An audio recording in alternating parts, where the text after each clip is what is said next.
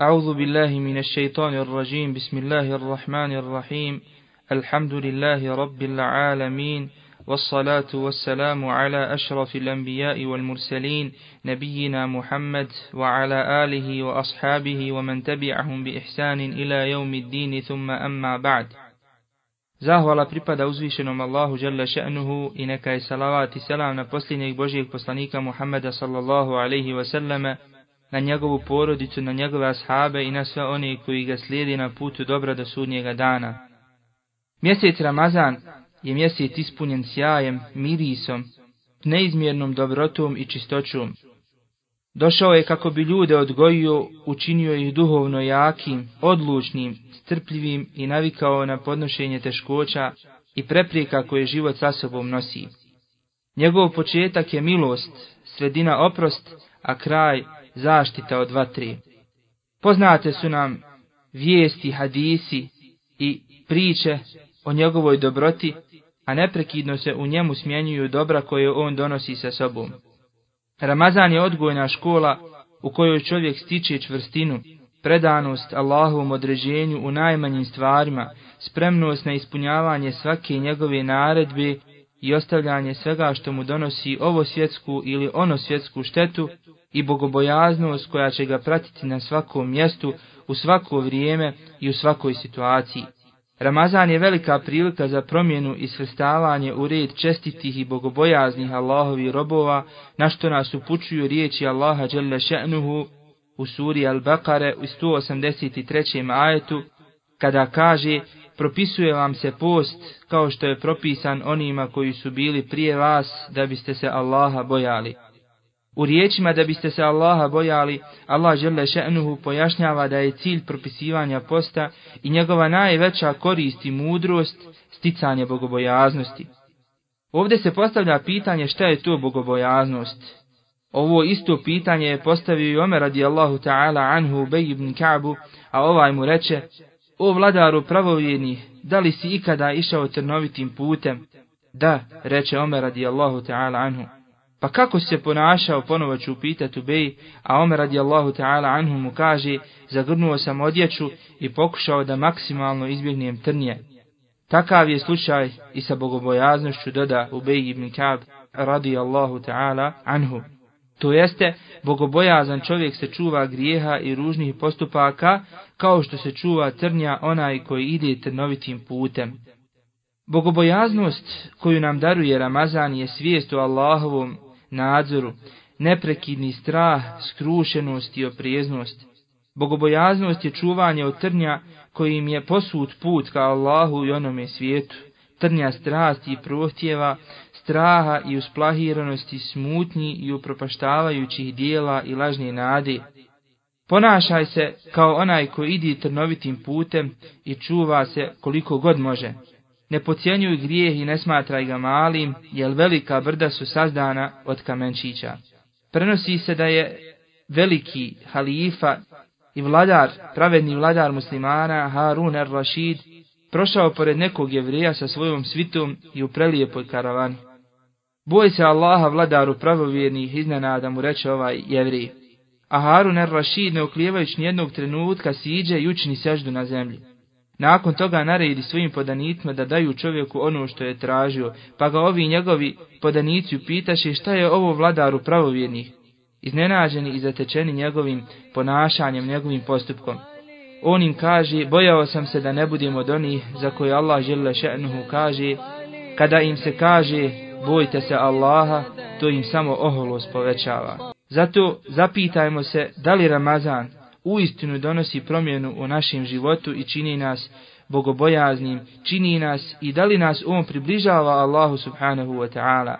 Da li smo shvatili ili želimo li shvatiti da je ramazanski post propisan kako bi nas približio našem gospodaru i udaljio od šetana i njegovih pristalica, a ne radi provođenja kušanja različitih vrsta hrane, rasipanja i metka i drugih stvari u kojima mnogi od nas, kaže mnogi od nas, nažalost, vide svrhu Ramazana. Sad ćemo ako Bog da spomenuti neke vrijednosti i odlike ovog ramazanskog posta. Ramazan je najbolji i najvrijedniji mjesec kod Allaha Đelešenuhu.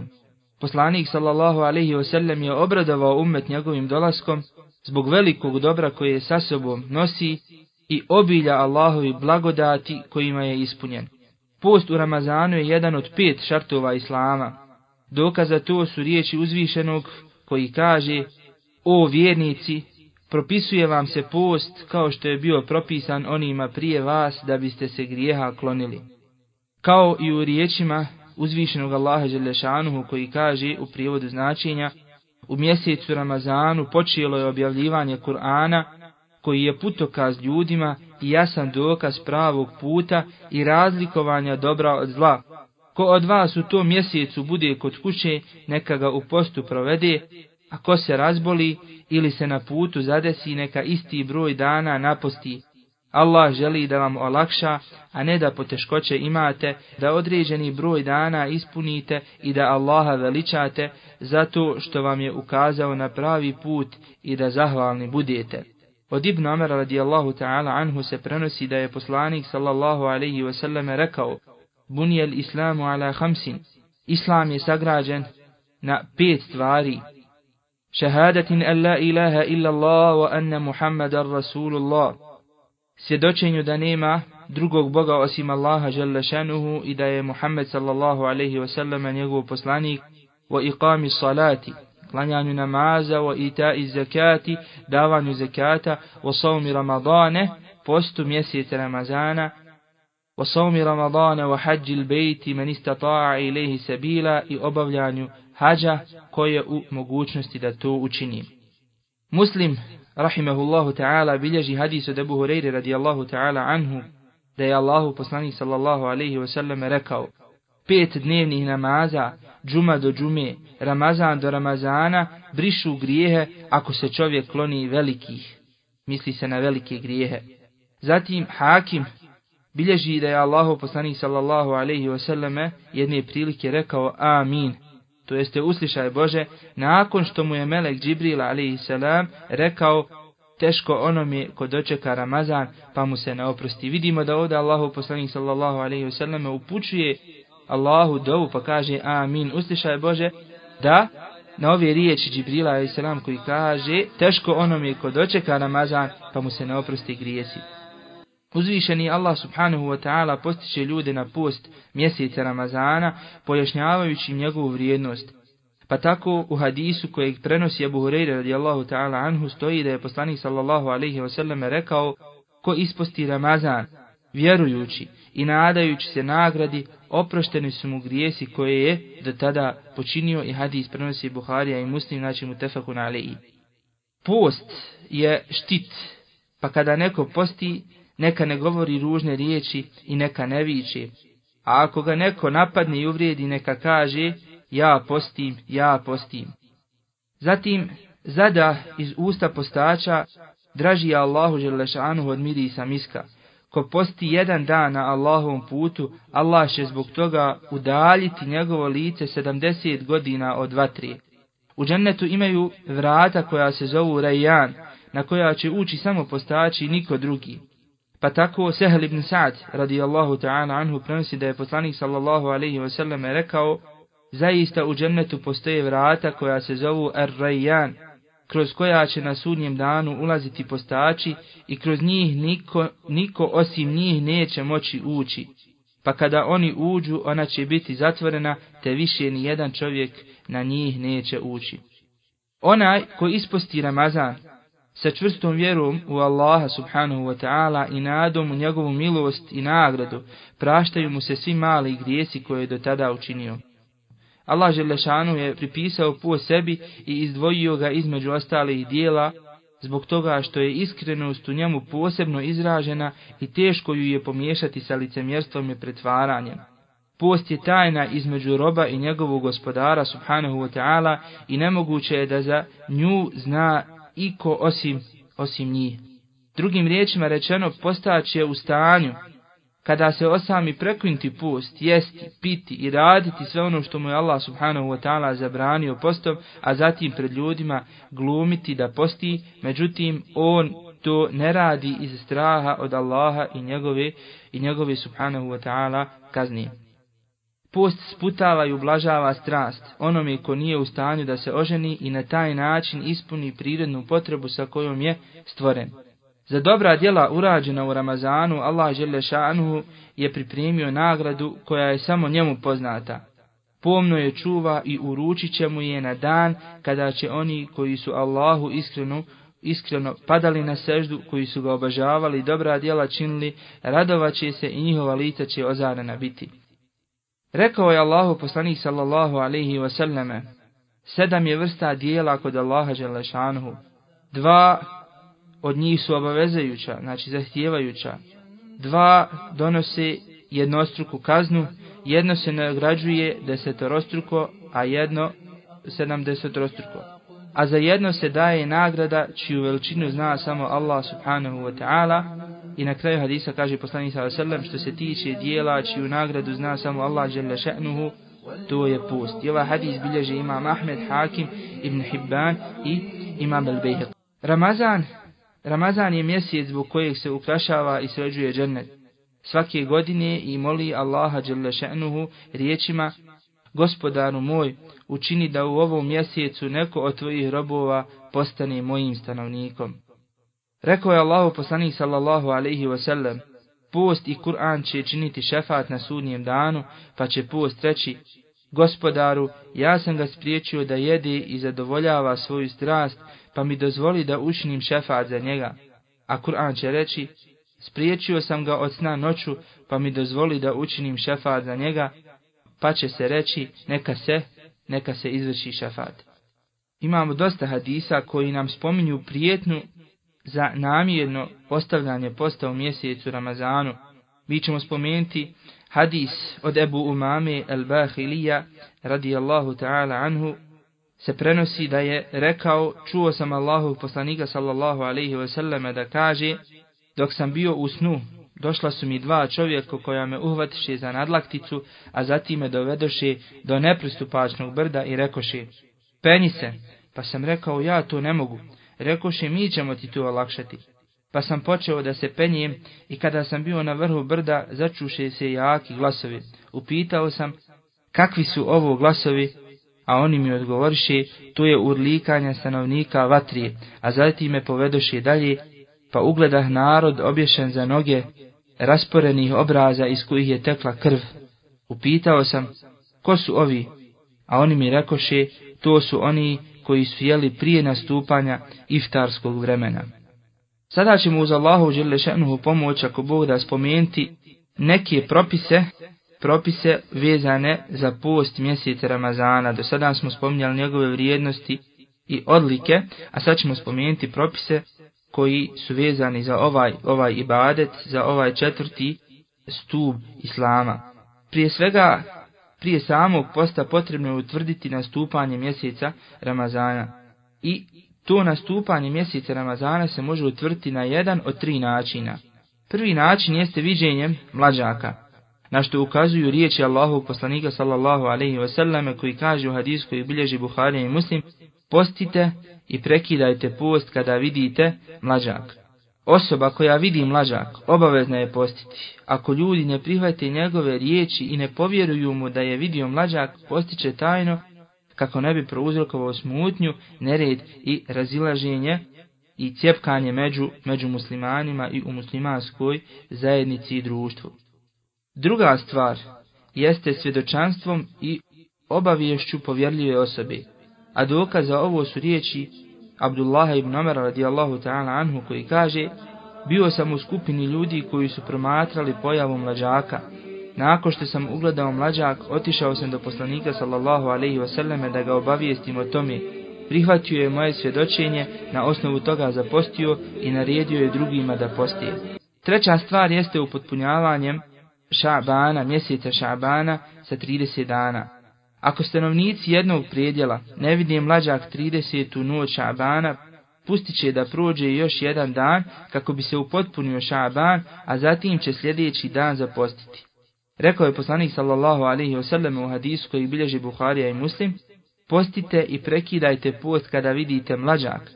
Ako vam se skrije mlađak, Šaban tada ima 30 dana pa ih upotpunite.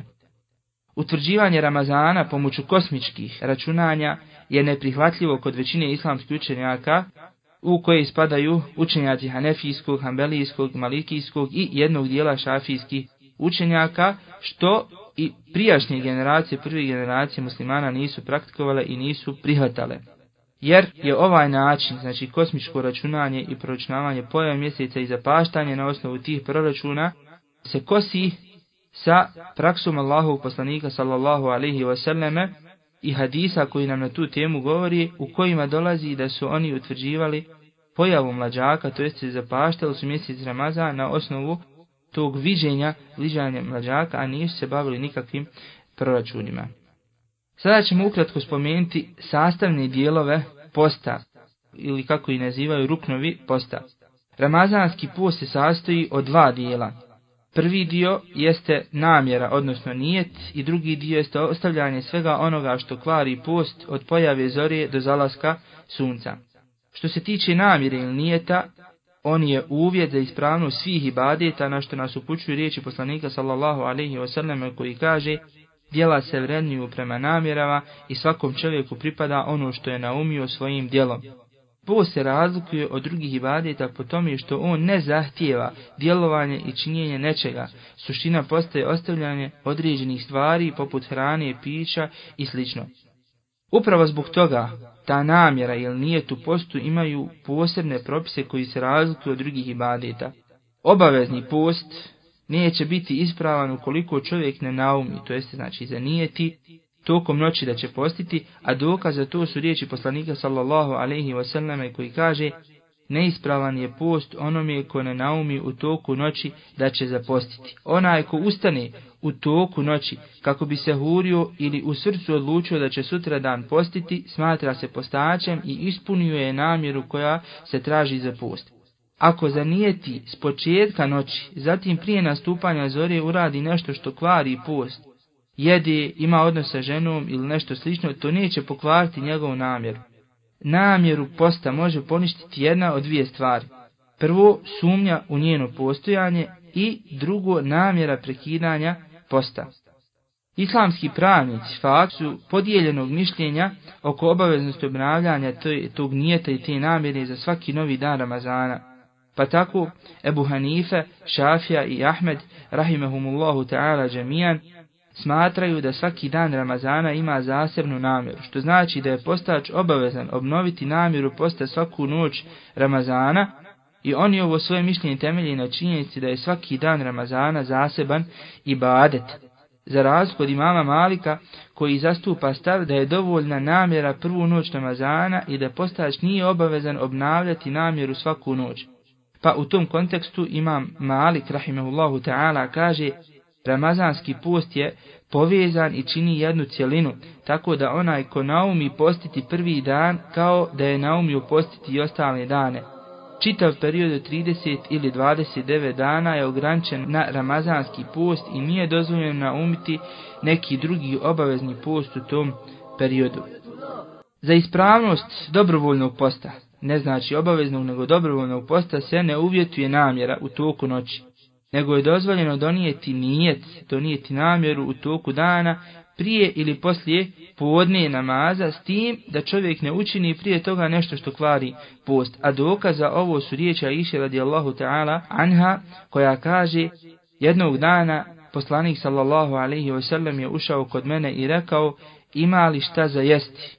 Ne Allahu poslanić odgovor mu Aisha radijallahu ta'ala anha, a poslanik sallallahu alaihi wasallam doda onda ja danas postim.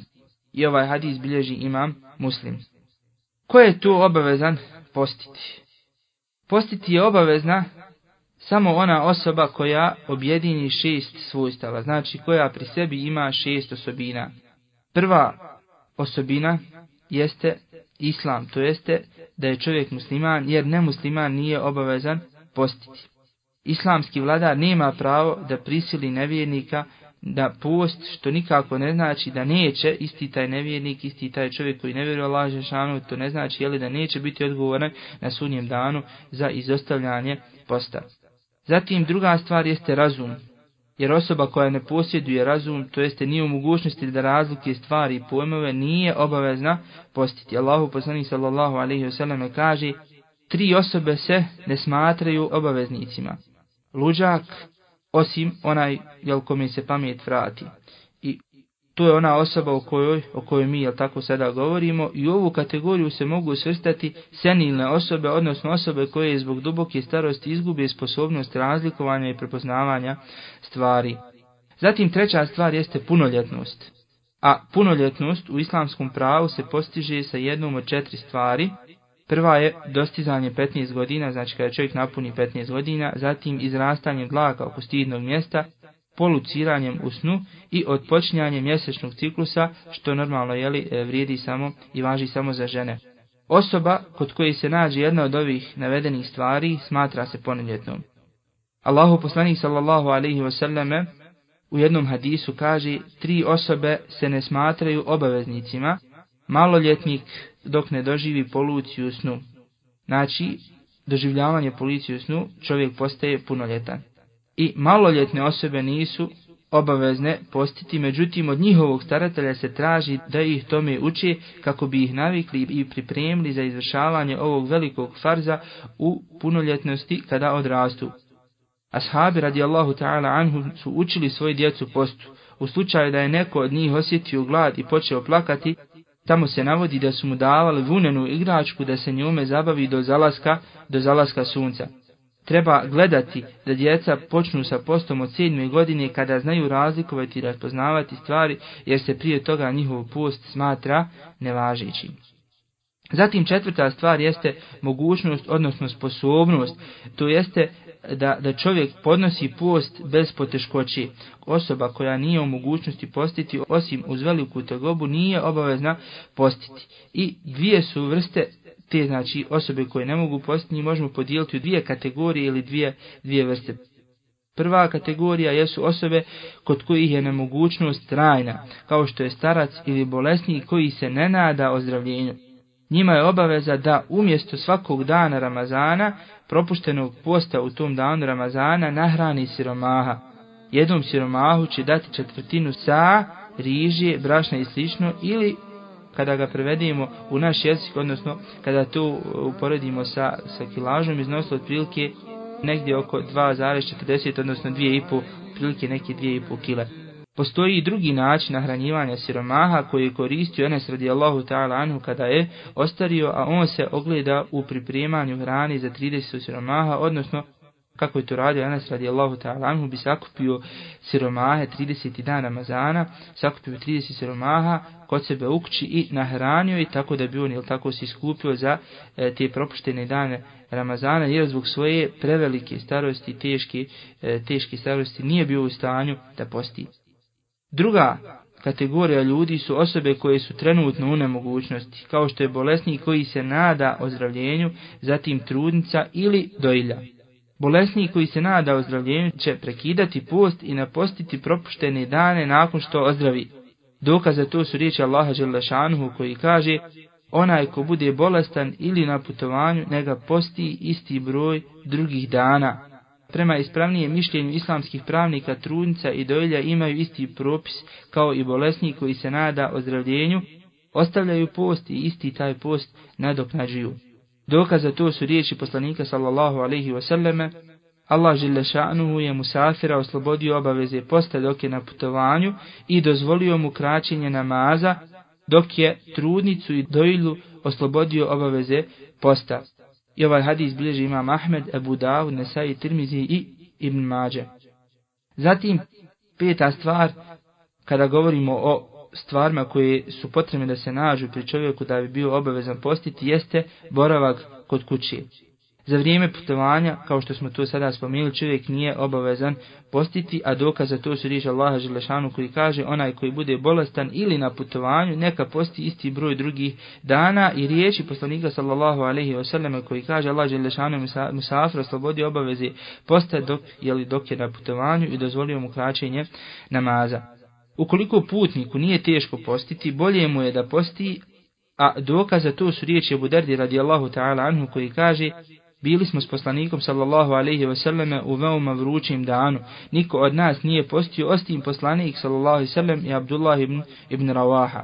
U slučaju poteškoće nije mu dozvoljeno postiti, na što upućuju riječ poslanika sallallahu alaihi ve selleme kada je čuo da neki ashabi i pored poteškoće posti na putovanju, poslanik sallallahu alaihi ve je rekao oni su griješnici, oni su griješnici i ovaj hadis bilježi imam muslim.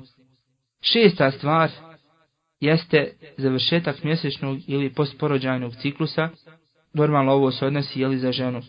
I žena za vrijeme te mjesečnice i postporođajnog ciklusa nije obavezna postiti. U tom kontekstu Allahu poslanik sallallahu alaihi selleme kaže za žena za vrijeme mjesečnice ne ostavlja post i namaz. Ovaj hadis bilježi Buharija i Muslim. Ako žena postane čista prije pojave zore, obavezna je zapostiti makar se okupala tek poslije izlaska, izlaska sunca. Ovdje se postavlja pitanje šta je sa odgađanjem napaštanja propuštenih dana Ramazana. Sve osobe koji su privremeno oslobođene obaveze posta, a mi smo spomenuli putnik, jel tako, dojila, trudnica, bolesnik koji se nada ozdravljenju i žena za vrijeme mjesečnice ili postporođajnog ciklusa, obavezne su napostiti propuštene dane prije drugog Ramazana. Onaj od njih ko bezrazložno odgodi na paštanje, obavezen je uz post nahraniti za svaki dan siromaha, a onaj ko to uradi sa opravdanim razlogom nije obavezan ništa više od napaštanja. Međutim, ovdje se postavlja pitanje kakav je pravni status osobe koja umre prije negoli naposti propuštene dane. Poznati islamski alim, šeheh Salih al-Fauzan, odgovor na ovo pitanje kaže Osoba koja umrije prije nastupanja novog Ramazana oslobođena je bilo kakve odgovornosti i sankcija zbog toga što je sav taj period od Ramazana, znači do Ramazana, ostavljen za napaštanje. Osoba koja umri nakon nastupanja novog Ramazana, ako nije naposla propuštene dane iz opravdanog razloga poput bolesti ili putovanja, također biva oslobođena odgovornosti i sankcija, a ako je to uradila bez valjanog šerijatskog razloga, njegovi e, nasljednici će izdvojiti iz zaostavštini onoliko imetka koliko je dovoljno da se nahrani siroma za svaki propušteni dan. Sad ćemo spomenuti stvari koje mogu pokvariti post. Stvari koje kvari post možemo potvijeliti u dvije vrste. Prva vrsta su stvari koje kvari post bez razilaženja među islamskim učenjacima i stvari oko kojih postoji razilaženje među islamskim pravnicima, među islamskim učenjacima. One stvari koje kvari post bez razilaženja među islamskim učenjacima su sljedeći. Prvo, jelo i piće i sve ono što ih može zamijeniti, poput hranjivih inekcija ili infuzije ili slično. Dokaze to su riječi Allaha subhanahu wa ta'ala, jedite i pijte sve do zore dok ne budete mogli razlikovati bilu od crne niti. I iz ovog ajeta se jasno vidi da je post ustezanje od jela i pića, pa kada postač nešto pojede ili popije, njegov post je time pokvaren. Iz ovoga e, možemo izuzeti situaciju kada postač to učini zaborava greškom ili pod prisilom, jer kaže poslanik sallallahu alaihi wasallame, ako čovjek nešto pojede ili popije i zaborava, neka upotpuni svoj post, pa zaista ga je to Allah nahranio i napojio. U hadisu od Ibn Abbas radijallahu ta'ala anhu dolazi da je poslanik sallallahu alaihi wasallam rekao Allah žele šanuhu prašta mome umetu pogrešku, zaborav i ono na što su prisiljeni. Druga stvar koja kvari post jeste spolni odnos i imam Ešeukani kaže nema razilaženja u tome da spolni odnos kvari post. Zatim, islamski poznati islamski učenjak Ibnul Qaim u svom dijelu Zadul Ma'ad spominje spolni odnos i kaže Kur'an ukazuje na to da polni odnos kvari post kao i hrana i piće i u tome nema razilaženja. Dokaz za to su riječi Allaha subhanahu wa ta'ala koji kaže dozvoljavam se da u noćima posta imate odnos sa ženama. Treća stvar jeste izlazak spermi sa strašću, a dokaz za to su riječi Allaha Želešanuhu u hadisu kuciju koji kaže Postač u moje ime ostavlja jelo, piće i zadovoljavanje strasti riječi islamskih učenjaka sa strašću e, znači da je osoba koju sperma izlazi zbog zdravstvenih problema, a ne zbog strasti, opravdana i njen post je ispravan. Zatim četvrta stvar koja kvari post jeste nastupanje mjesečnog ciklusa ili poražaja. Ako se kod žene pojavi mjesečnica ili nifas u toku dana, svejedno je da li to bilo na početku ili na kraju, ona će prekinuti post i taj dan napostiti. A ako bi i dovršila post toga dana, taj post joj ne bi bio primljen i ne bi bio ispravan. A dokaz za to su riječi poslanika sallallahu alaihi wasallame koji kaže Zar žena za vrijeme mjesečnice ne ostavlja post i namaz? I ovaj hadis bilježi Buharija i Muslim, a prenosi se da jedna ashabika pitala, a radijallahu ta'ala anha, anha, zašto napaštaju žene Ramazan, a ne naklanjavaju propušteni namaze, pa joj Aisha radijallahu ta'ala anha reče, nama se dešavalo isto, pa nam je naređeno da napaštamo propušteni post, a nije nam naređeno da naklanjamo namaze. Zatim peta stvar koja kvari post jeste odmetništvo od Islama. Imam Ibn Kudame, rahimehullahu ta'ala, kaže u svom poznatom dijelu El Mugni, kaže nije mi poznato da među učenjacima postoji razilaženje oko toga da odmetništvo kvari post. Drugim riječima, islamski učenjaci su složni oko toga da odmetništvo od Islama kvari čovjeku post. Znači to su bile stvari, ukratko stvari koje kvari post i oko čega je islamska ulema složna.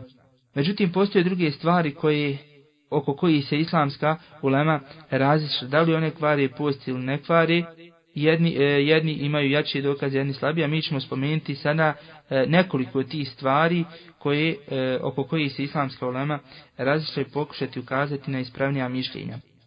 Prva stvar jeste hijjama, to jeste izvlačenje štetne krvi iz prijedjela potiljke ili nekih drugih, drugih dijelova tijela pomoću posebnih instrumenta.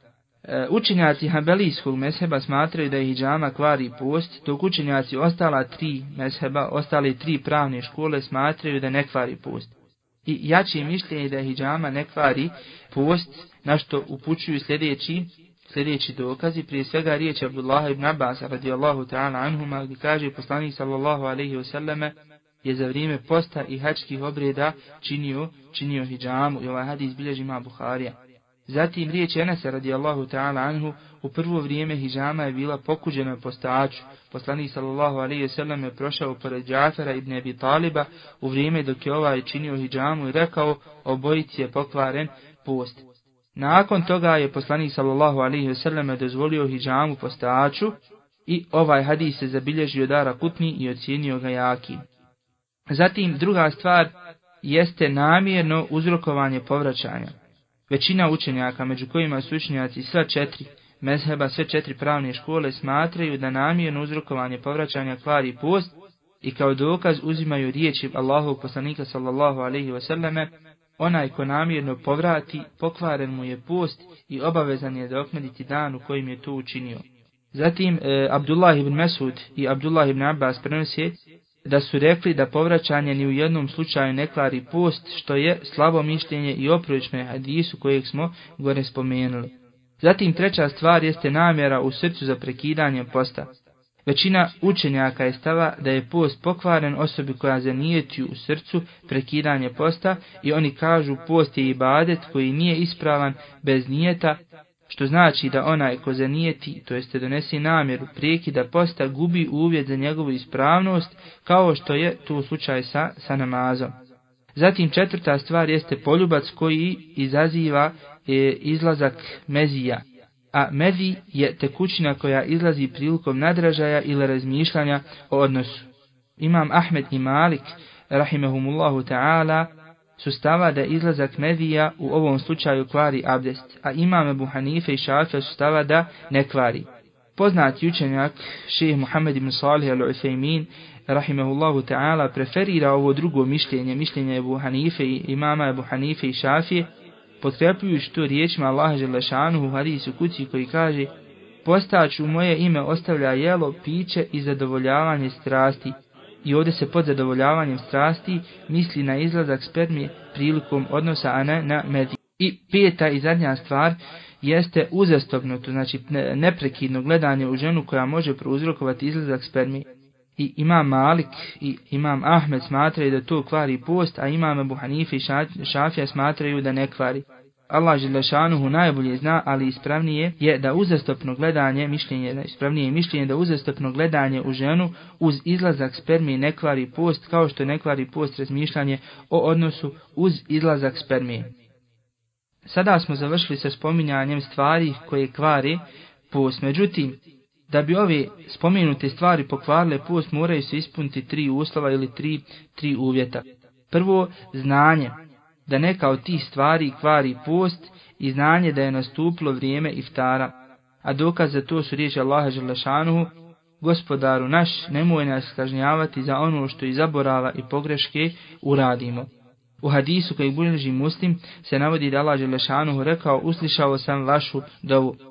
A poslanik sallallahu alaihi wasallam je nije naredio Adiju ibn Hatimu da naposti dane koje je pogrešno postio zbog pogrešnog razumijevanja riječi Allaha Želešanuhu, jedite i pijte sve do zore dok ne budete mogli razlikovati bijelu od crne niti.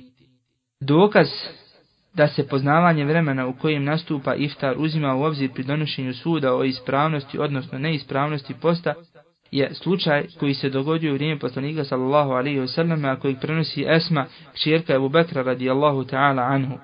Naime, Esma radijallahu ta'ala anhu spominje da je jedna grupa ashaba u kojoj se ona nalazla iftarla u oblačnom danu, misleći da je zašlo sunce. Samo što su se e, iftarili, sunce im se ukazalo. I u ovoj predavi se ne spominje da im je poslanik sallallahu alaihi wasallam naredio na paštanje tog dana. Druga stvar koja se isto tako mora ispuniti jeste svjesno činjenje neke od stvari koje, koje kvari posta koje smo već spomenuli. Onaj osoba koja i zaborava uradi nešto što kvari post, obavezan je prekuniti tu stvar onoga trenutka kada se sjeti i njegov post je onda ispravan, a dokaz za to su riječi Allahu poslanika sallallahu alaihi wasallam koji kaže postač koji bude jeo ili pio i zaborava, nastavit će post, Allah Želešanhu ga je time napojio i nahranio, dok u drugoj predaji istog, znači drugom rivajetu istog hadisa se kaže, ko se iftari u toku nekog od ramazanskih dana i zaborava, post mu je ispravan i nije obavezan nadoknaditi, to jeste napostiti taj dan. Zatim treća i zadnja stvar jeste namjerno ili svojevoljno činjenje stvari koja kvari post. A dokaz za to su riječi Allaha subhanahu wa ta'ala koji kaže onaj ko zanijeće Allaha nakon što je njega vjerovo i otvori svoje srce nevjerstvu osim onoga ko na to bude prisiljen a srce mu bude zadovoljno vjerovanjem čeka Allahu ađelešanu sržba i žestoka kazna. A e, šeheh Muhammed Musali al-Uthaymin kaže Ako se čovjek oslobađa sankcije za izgovaranje riječi nevjerstva pod prisilom, nije teško zaključiti da se oslobađa sankcije za stvari koje se ne mogu uporediti sa nevjerstvom, a u ovom slučaju tako radi se o postu. U prilog navedenoj tvrdnji idu i riječi poslanika sallallahu alaihi ve sallam koji kaže Allah želešanu je prostio mome umetu ono što iz pogreške zaborava i pod prisilom učini. Prema tome, post nije pokvaren osobi koja bude prisiljena da učini nešto što kvari post, osobi koja bez svoje volje proguta prašinu i osobi koja polucira u snu i slični primjeri koje smo spominjali. Ovdje se postavlja pitanje šta je postaču dozvoljeno učiniti dok, dok posti. Postaču je dozvoljeno progutati pljuvačku, dozvoljeno mu je okusiti hranu i sažvakati je djetetu pod uvjetom da mu ne dospije u njegovu unutrinu. Zatim dozvoljena mu je upotreba vode mimo pića kao što je umjereno ispiranje usta i nosa, kupanje, plivanje, jer se prenosi da je prenosi od poslanika sallallahu alejhi ve selleme da je poljevao glavu zbog vrućine u toku u toku svog posta. Zatim e, dozvoljeno mu je koristiti misvak na početku i na kraju dana. Što se tiče pasti za zube, E, nju je bolje ne koristiti zbog toga što njen okus prodirje do unutrnje i teško je to zaustaviti, znači to je teško spriječiti. Zatim e, mu je dozvoljena upotreba mirisa, češljanje, mazanje kose i slično, jer Aisha radijallahu ta'ala anha je češljava poslanika s.a.v. dok je bio, dok je bio u. Sljedeća stvar jeste upotreba lijekova, znači dozvoljeno je postaču da upotrebljava lijekove, pod uvjetom da ne dospiju u njegovu unutrinu, dobrovoljno davanje i analiza krvi mu je također dozvoljena. Zatim dozvoljen mu je poljubac svoje supruge, dodije, zagrlja i slično pod uvjetom da se čovjek može kontrolisati, sačuvati e, od odnosa i izlaska spermije. Poslanik sallallahu alaihi wasallam je, kako se prenosi, znao poljubiti svoju ženu i naslađivati se sa svojom ženom u toku posta, međutim, znao je kontrolisati svoju strast, kao što to kaže Umu Salama radijallahu ta'ala anha. To su bili ukratko propisi koji su vezani za mjesec Ramazana, za post ovog Allahovog mubareći e, mjeseca. Sad ćemo spomenuti još neke stvari koje su usko povezane za ovaj mjesec. E, prva stvar koju ove prilike možemo spomenuti jeste posljednja trećina mjeseca, mubareći mjeseca Ramazana. Allahu poslanik sallallahu alaihi wasallam je praktikovao u zadnjoj trećini Ramazana da mnogo ibadeti, Pa je tako Aisha radijallahu ta'ala anha govorila da je poslanik sallallahu alejhi ve selleme ibadeti u zadnjoj trećini Ramazana više nego što je činio u drugim periodima. U predaji kod Buhari i Muslima stoji da je oživio noći zadnje trećini Ramazana, to jeste da bi klanjao i učio Kur'an, a budio je sve ukćane i zvao ih na noćni namaz.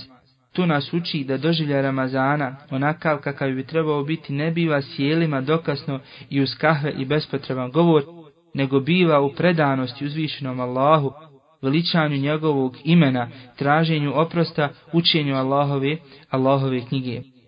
Također Ramazan ne bi trebao da prođe bez samo obračuna, jer čovjek nikada ne može biti zadovoljan sa svojim stanjem, sa svojim manjkovostima koje su mu i tekako sklone. Za našu svakodnevnicu možemo i dodati da se barem u Ramazanu pokušamo odreći stalnog jadikovanja kako se nema i govora ispunjenog dunjalukom i raznim, raznim materijalnim razmišljanjima. Barem u toku ovog Mubarek mjeseca trebali bi se posvetiti ibadetu, trebali bi misliti na onaj svijet, na ahiret, trebali bi razmišljati o smrti. Sjetimo se dana kada ćemo ostaviti sve ono što imamo, sjetimo se dana kada ćemo stati pred uzvišnog Allaha Želešanuhu i polagati račun za svoja dijela ono bez čega Ramazan ne može proći jeste i tikaf. I tikaf, musliman svoj tikaf započnije sa iskrenom i plemenitom namjerom, sa lijepim nijetom. On se Allaha radi e, zatvara, ako možemo tako reći, i boravi u mešćidu zbog potpune pokornosti Allahu subhanahu wa ta'ala. Sve njegove misli, čula, vrijeme i sama djela su okrenuta ka traženju njegovog subhanahu wa ta'ala zadovoljstva i on se kloni svih stvari mimo, mimo ibadeta. U itikafu je izvesna prilika da čovjek ispravno shvati značenje riječi uzvišenog i džinne i ljude sam stvorio samo zato da mi ibadet čini. Šehul Islam ibn Taymiyyah rahimahullahu ta'ala je rekao da je taj ibadet, ta riječ ibadeta, obuhvata sve ono što voli Allah subhanahu wa ta'ala i sa čima je zadovoljan od riječi i dijela tajnih i javnih. Ovaj itikav spada u pritvrđene sunete na kojim je Allahu poslani sallallahu alaihi wasallam posebno ustrajavao po dolasku Medinu nakon hijri, odnosno otkako je ovom umetu propisan post mjeseca Ramazana i itikaf je ibadet koji se uveliko razlikuje od mnogih drugih ibadeta samim tim što predstavlja izoliranost i okrenutost ka uzvišnom Allahu subhanahu wa ta'ala i napuštanje svih dunjalučkih izazova koji se nameću i ometaju pročišćenje ljudske duše i potpunost naše vezi sa gospodarom svih svjetova. Odatle slobodno možemo kazati da je i sa svim odgojnim vrijednostima koje u sebi sadrži prava islamska medresa koja se redovno uspostavlja svake godine. I ovaj itikaf možemo podijeliti na dvije vrste, na onaj koji je vađib i onaj koji je potvrđen sunnetom. Vađibom postaje nakon zaveta, što saznajemo iz hadisa koji prenosi Ibn Omer radijallahu ta'ala anhu, da je Omer, njegov babo, Omer radijallahu ta'ala anhu, pitao Allahu poslanika sallam, i rekao mu u džahilijetu sam se zavjetovao da ću u svijetom hramu, znači u Meki, učiniti jednu noć itikafa, a poslanik sallallahu mu reče ispuni svoj zavjet. Itikaf je u svojoj osnovi pritvrđeni sunnet jer je poslanik sallallahu alaihi sallam u njemu bio ustrajan i ne bi ga ostavljao osim zbog prijeke potrebe. Kada bi se desilo da ga napusti poslanik sallallahu alaihi sallam bi ga nadoknadio u ševalu. Imam Ez-Zuhri je govorio, čudim se ljudima zašto ostavljaju činjenje itikafa. Allahu poslanik sallallahu alaihi sallam je znao neke stvari činiti i ostavljati, a itikaf nije ostavljao sve dok nije preselio. Kaže ših Muhammed ibn Salih al-Uthaymin, Allah mu se ismilovao kada je upitan o itikafu, Kaže itikaf u Ramazanu je sunnet koji je činio Allahu poslanik sallallahu u svome životu, a i njegove žene nakon njega. Učenjaci su prenijeli konsenzus i džma da je on sunnet, Međutim, itikav se treba činiti na onaj način zbog kojeg je propisan, a to je da čovjek strogo boravi u mešćidu zbog činjenja pokornosti uzvišnom Allahu subhanahu wa ta'ala kada treba da potpuno ostavi sve dunjaločke poslove i posvijeti se samo ibadetu Allahu subhanahu wa ta'ala daleko od dunjaločkih potreba. Tada treba da čini raznovrsne ibadete poput namaza ili nečega slično.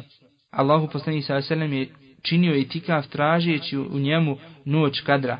Mu'tekif, osoba koja je itikaf se treba udaliti od svih dunjaločkih zauzetosti, tako da u itikafu neće ništa prodavati ni kupovati, neće izlaziti iz mešćida, neće ispraćati dženazu, neće obilaziti bolesnika i tako dalje. Međutim, ako ga zijareti neko od njegove poroci i ako sa njim nešto i progovori, nema, da to nema nikakve smjetnje, jer se spomnije da je Safija radi Allahu ta'ala anha zijaretila Allahu poslanika sallallahu alaihi sallam dok je bio e, u itikafu. Za itikaf se vežu sljedeći uvjeti prije svega da je mu tekif, čovjek u itikafu musliman, da je razuman, da je čist od velikih nečistoća i da to bude, da to bude u mešćidu. Neki učenjaci uvjetuju da to bude u mešćidu gdje se obavlja džuma namaz da bi se izbjegao izlazak petkom. Ruknovi tog itikafa su nijet, znači namjera, jer se djela vjeruju e, po namjerama, kao što smo to spomenuli. Zatim, rekli smo da se itikaf čini samo u mešćidu, a to je zbog riječi uzvišenog sa ženama ne smijete imati snošaja dok ste u itikafu u džamijama. I zbog toga što su Allahu poslanih sa srleme njegove žene i ashabi radijallahu ta'lanhum obavljali, to jeste činili itikaf samo u mešćidu, te se ni od jednog ne prenosi da su to činili van njega. Čini se u zadnjih deset noći Ramazana sa početkom prije zalaska sunca isključivo zbog traženja noći Lejletul Kadra znači noći kadra, koja je u jednoj od njih, znači jednoj od zadnjih deset dana, dana Ramazana. Zatim Lejletul, Lejletul Kadr jeste najodabranija noć u godini. O vrijednosti te noći najbolje nam govori Kur'an u suri, istoimenoj suri Al Kadr, i kaže Allah Želešanuhu Lejletul Kadr, znači noć kadra je bolja od hiljadu mjeseci, ibadet te noći se nagrađuje više nego ibadet 80 i više godina. I u ovom vidimo veličinu Allahove subhanahu wa ta'ala milosti prema ljudima, jer čovjek je slab, malo dobra čini, a mnogo griješi. Ovo su prilike da se nadoknadi propušteno. Po pitanju ove noći postoji nekoliko objašnjenja.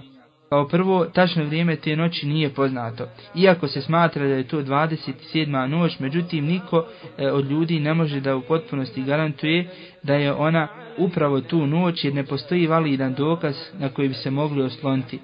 Ispravno mišljenje da je ona u zadnjoj trećini, a kada tačno to ne znamo. Mudrost toga što je Lejlatul Kadr ostala skrivena je upravo u tome da bi se ljudi što više trudili da iskoristi zadnju trećinu. To jeste da što više vremena, da što više dana, da što više trenutaka provedu u ibadetu. Zatim, e, drugi smatraju da sve svoje obaveze prema Allahu subhanahu wa ta'ala mogu odužiti i ispuniti u toj noći. Pa tako, jeli kažu, ako je ta noć vjednja od hiljadu godina, onda je to jedan e, duži životni vijek, pa ako provodim ibadete u toj noći, ako činim ibadete u toj noći, kao da sam klanjao čitav, čitav život i to je dosta naravno, To je pogrešno svačanje jer za ibade tije noći postoji velika nagrada, ali to ne skida druge obaveze Islama koje moramo izvršavati. Sljedeća stvar koja je vezana za, za Ramazan jeste sadakatul fitr ili zekatul fitr, kako to kod nas zovu. E, sadakatul fitr ili, ili vitre, kako neki kažu, jeste jedna vrsta zekata, pa je tako jedna od njegovih terminoloških naziva upravo zekatul fitr, što znači da je to obavezni dio sadake koji se daje u mjesecu Ramazanu za sadakatul fitr se ne uvjetuje ono što se uvjetuje za zekat na imetak. Jedini uvjet je da osoba da je osoba dužna dati sadakatul fitr ako ima hrane više od jednog sata, to jeste e, četvrt pregršti, odnosno ako ima više nego što je potrebno njegovoj porodici za jedan, za jedan dan. Mudrost propisivanja sadakatul fitr nam spominje Allahu poslanih sallallahu alaihi sallame u jednom hadisu koji kaže Zekatul fitr, znači sadakatul fitr je čišćenje za poštača od ružnog i nepristojnog govora i hrana za siromaha. Znači to su mudrosti ove sadak, sadakatul fitr ili vitra. Koliko god da muslima nastoja da očuva svoj post, da se ne desi nekada e, da nešto kaže što ne priliči postaču, ova vrsta sadakot fitri to upotpunjava, to jeste čisti post postača. Uzimajući u obzir da nakon Ramazana dolazi jedan od velikih muslimanskih blagdana, a to je Bajram, kada se svi muslimani raduju, ima i onih koji njihovo teško materijalno stanje ne čini im sretnim, ne čini sretnim na taj dan, to jeste nisu stanje da sebi obezbijede minimalne potrebštine, zato oni koji su u boljem stanju treba da im pomognu kako bi oni osjetili radost i ljepotu Bajrama. Postoje određeni propisi koji su vezani za zekatul fitr, to jeste sadakatul fitr, a mi ćemo sada spomenuti ukratko neke. Prije svega, zekatul fitr se daje tako što e, za svaku glavu porodice se daje po jedan sa, znači po jedan, e, jednu četvrtinu pregršta hrani, ili nečeg, znači hrani, može to biti brašno ili nešto slično, čime se hrani stanovništvo te, te oblasti. Vrijeme davanja je kraj Ramazana, to jeste zadnja dva dana i sve dok imam ne dođe klanjati Bajram namaz. Lijepo je davati na dijete koje nosi majka u stomaku, a koje se još nije rodilo, međutim, kažemo lijepo, ali nije, nije obaveza. Kategorije kojima se može dati ova sadakatul fitr su iste kategorije kojima se daje zekat, samo što se prednost daje siromasima.